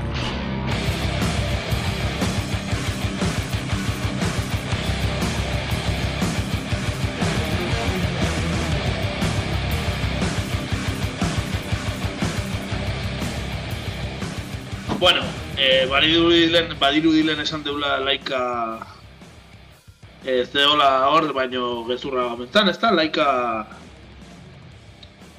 Laika espazioan iritzan. izan, ez da? Hori da, Beste espazioa juntan beste txakur bat zeukaten, ez? Ez laika. Hori da, bai txakurren arteko, ez, lapsus bat euki dugu, baina baina hori, eh, rektifikatuta gelditu da. Eh? Hori da. Bueno, ba, sare sozialetan berriz, ba, konfinamendu garai hauetan, ba, gure familia guztoko nari bisita egitera dugu. Etxean egotea nola daramaten, ba, jakin nahi genuelako, ez da? Gure familia favoritoa zein da. Buenos días, carameluchis. ¿Qué pasa, preciosura? ¿Qué pasa? ¿Cómo lleváis el día? Eh, eh, eh. Está, ba, bai, buenos días, carameluchi. Fantazienak, eh? Bai, bueno, ba, karameluchi familiari bisita egiten betxatu dugu, bai? Eta jakin da, ba, asko sufritzen hariko ziela, ez da, noski? Konfinamentu gara hauek. Gaur... Batez, hiru seme alaba edukita ez, eh, banago. Bi seme. Beste, beste zian zeuzkena zazpi, o... Hori, bale, bai, Nafarroko horiek. Hori, hauek bi. Bueno, ba, esan e, gaur egun familia, karamelutxi familian bat koma eta zortzi milioi jarraitze dituela, hau da, milioi bat eta seireun da laro gehi mila jarraitzaile. Azkar esaten da da, eh? Behain YouTube kanalean eta, bueno, ba, adibidez, e, azaldu dute beraien hogeta lau e, orduak nola diren konfinamenduan, ez? Egun bat nola den, hogeta lau ordu nola diren. Ezta eta, bueno, ba, horrela esaten digute. Y hoy os queríamos grabar un vídeo que nos habéis pedido muchísimo y es 24 horas de nuestra rutina en estos días de no salir de casa. Así que, bueno, pues aquí estamos. Benetan interesgarria, ez da. Joe, bere bizo garrantzia duen une hauetan, bai, bai. Pentsatuko ez zuen bezala, ba, familiako kide guztiak e, etxean sartuta daude. Hiru pixuko etxe txikitxo batean, ez da? Hiru pixu besterik ez, eta jardin bat, eta, sufritzeko modukoa, eh? eh. Bertan daude, ba hori, gurasoak eta beraien alaba nerabea eta umetxoa, eh? Eta hauetaz gain, ba, badituzte maskotak, noski, eh? Horrelako familia modelo batek, ba, ezin eh, maskotari gabe ezin egon, ezta? Ez ezagutu ditagun beraien maskotak. La que mejor vive en esta casa es aquí, Doña Pelusiti. ¿Eh, Pelusa? Qué bien vives, mujer. Qué bien vives. ¿A que sí? ¿Dónde está tu hermana? ¿Eh? ¿Dónde está tu hermana? Qué sinvergonzona, ¿eh? ¡Uy! ¡Trece! ¡Trece! ¡Trece! ¡Ven! ¡Trece! ¡Trece! Ah, no, si está aquí. Bueno, ba hortxe, eh, bi katu dauzkete, eh, bat, eh, pelusa eta bestea 13. Eh? Takigu publizitate subliminala otean, 13 erena, eh? Seguro. Eta bestea Maradona ordaindutakoa da, eh, behar bat. El pelusa. ba bai, 13, ba hori. Eh, zatio, publizitate subliminala egiten du. Eh, bideo honetan, adibidez, eh, guztetan nola erosten duen eh, foko, argi foko bat, nola eh, atxalde erdin edaten duen edari bat eh, propaganda egiten duen, nola edari edaten duen, asko ez zaiela, bueno, ba, horrela, horrela irazte dute, ezta? Baina, noski, hauetan, ba, erabat lanpetuta bizi dira karamelutxi gitarrak, eh? Ikuste ezagun, adibidez, digun ama. Bueno, y aparte de todo el trabajo entonces que tenemos diariamente, nosotros, ¿eh? que no hemos, nosotros no hemos parado, pues se añade el colegio del Haya. O sea, ser profesores durante las ocho horas. O sea, nosotros ahora mismo somos los profesores, porque aunque los profesores te manden trabajo, tú tienes que estar encima y recibiendo todos los días 20 millones de emails. y, y de cada profesor y tú tener que enviar los deberes y volver y bueno, o sea... es- Eso tenemos una niña. y nosotros tenemos una. No quiero pensar todos los padres que tenéis como tres o cuatro adolescentes en casa o de diferentes edades.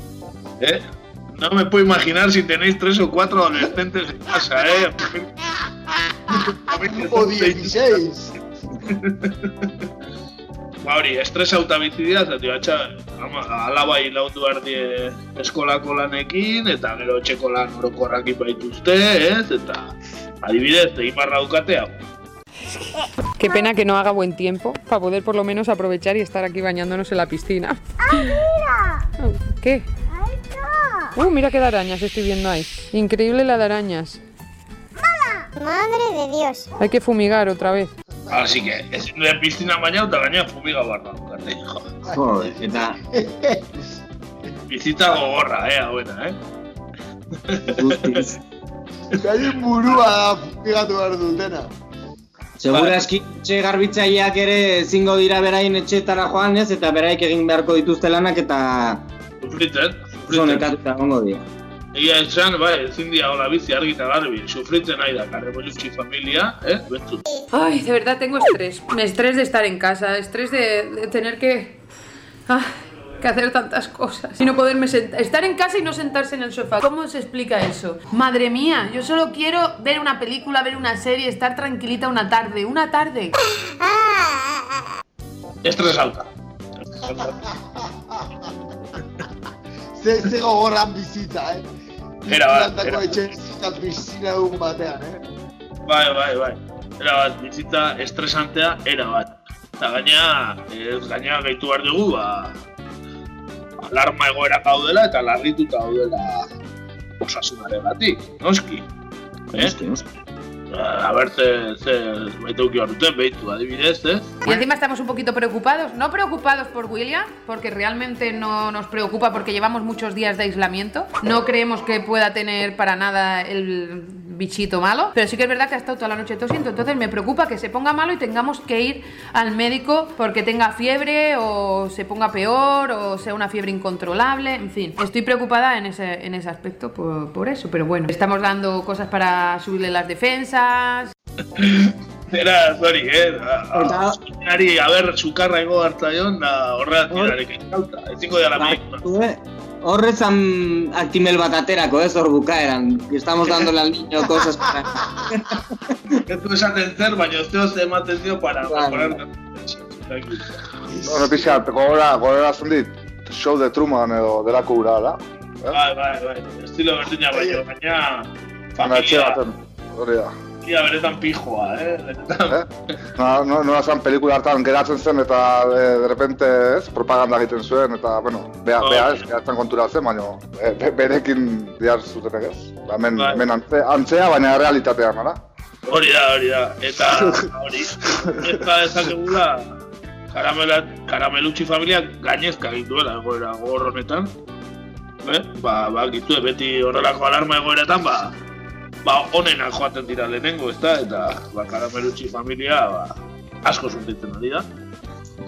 Eta azkeneko audioan entzun dezakegunez, ba, ba, oin entzungo egun bezala, ba, hori, asko, asko sufritzen ari. Ayer no, antes de ayer estaba yo, estaba fatal, o sea, tenía una bajona. Ayer estuvo Fran, que también se tuvo que ir a al cuarto a llorar. O sea, es que es una cosa que, que creo que estamos viviendo todos, que todos estamos cayendo anímicamente en un momento u otro, porque son muchísimos días y es que es normal. Y no podemos deciros y ocultaros que estamos 100% bien y que estamos jiji jaja, porque no es real. O sea, no es real. Nosotros también estamos mal, estamos teniendo muchas bajonas, todos, y quiero normalizarlo, porque parece que luego te sientas mal porque tú tienes una bajona. Entonces no quiero que os sintáis mal, que es súper normal que estéis así. Bueno, ba hori, sufritzen ari dela, eh? Kriston bajoia dauzkiela.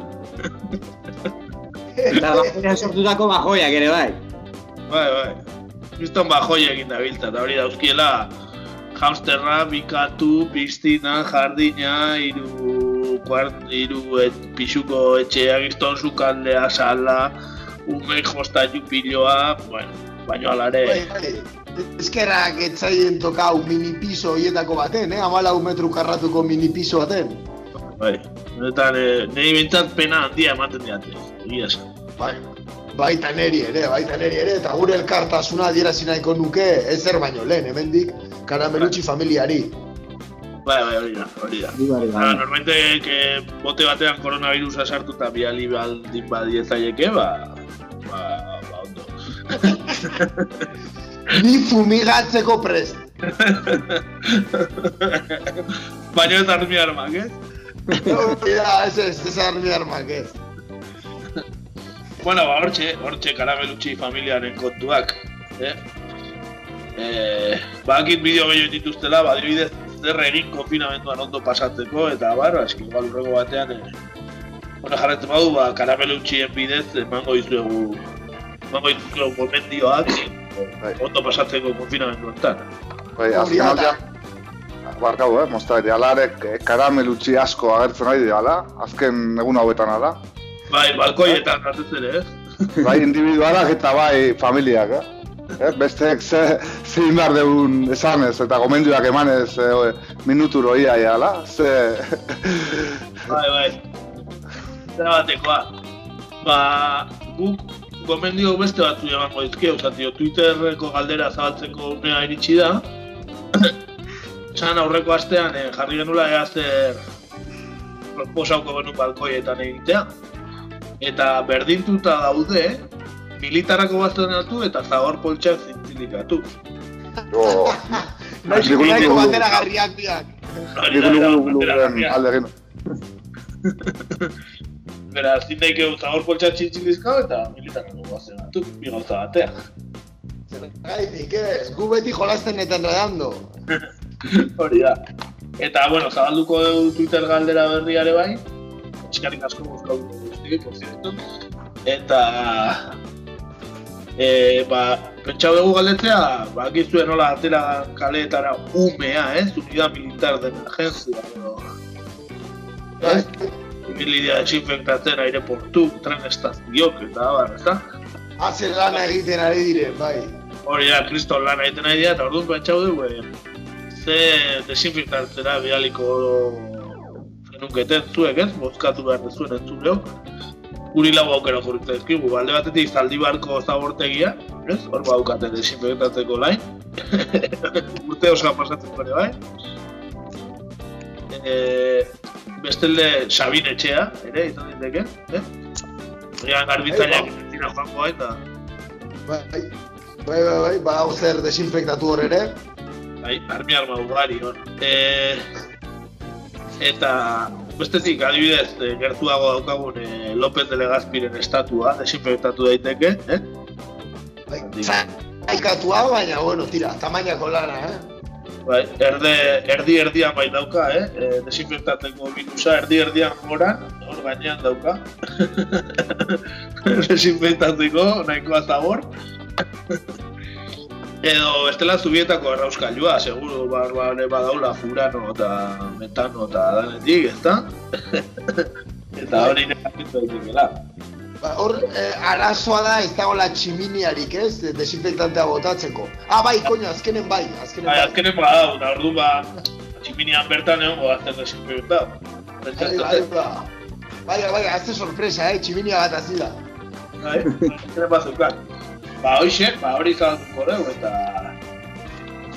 Eta, ba, erantzun, mesedez.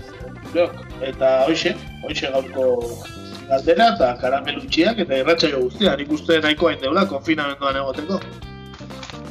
Bai, segitu bai behintzat. Bai, bueno, bueno. Ba, ea, nola jarraitzen duen asunto guzti honek bai, ez? Eta ikusiko dugu, urrengo egunetan. Ea? Hori da, edu, bitarten urrengo astelenean entzungo gara, ez da? Bai, bueno, astelenean grabatuko dugu. Hori da. Ez atera nahi dutenean, baina astelenean ez da. Hori da, eh, gure kasuan astelenen entzungo gara, eta, bueno, zuei nahi dezutenean noski. Bueno, Eta ba. hoxe, ba, konfinamendua jarraitu bitarten, ba, sa- saiatuko gea, bakoitza bere etxetik eh, irratsaioa egiten. Hori da. Hori, hori da, eh, eta, bueno, ea Laizter estudiotik gure egurra partitzeko aukera daukagun.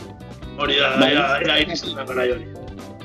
Ni piztinan egiten dut beraz, bueno, ez nago hain gaizki ez da, ez bai. Ah. Eh, Zure jaurek egia nara, eh? Hori da.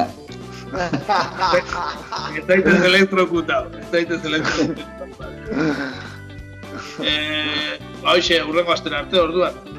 Hori da, eh, Aste ona izan. Kontuz abesti bat eh, jarriko dugu agurtzeko, eta, bueno, okuritu zait, eh, aspaldi entzunga geneukalako, ba, anestesia taldeka. Eta anestesiaren eromena bestia, esaten dulako, ba, eh, ilunpean bizi, bakardadean, eh, oiuak ez dira entzungo beste aldean, ba, hoxe okuritu zait, eta hoxe garri, eta anestesiaren eromena. Beraz, abesti horrekin uste zaituzte. Aurrera. Agur! Aste urrengo honetan. aste arte. Gaiz- Gaiztok izan.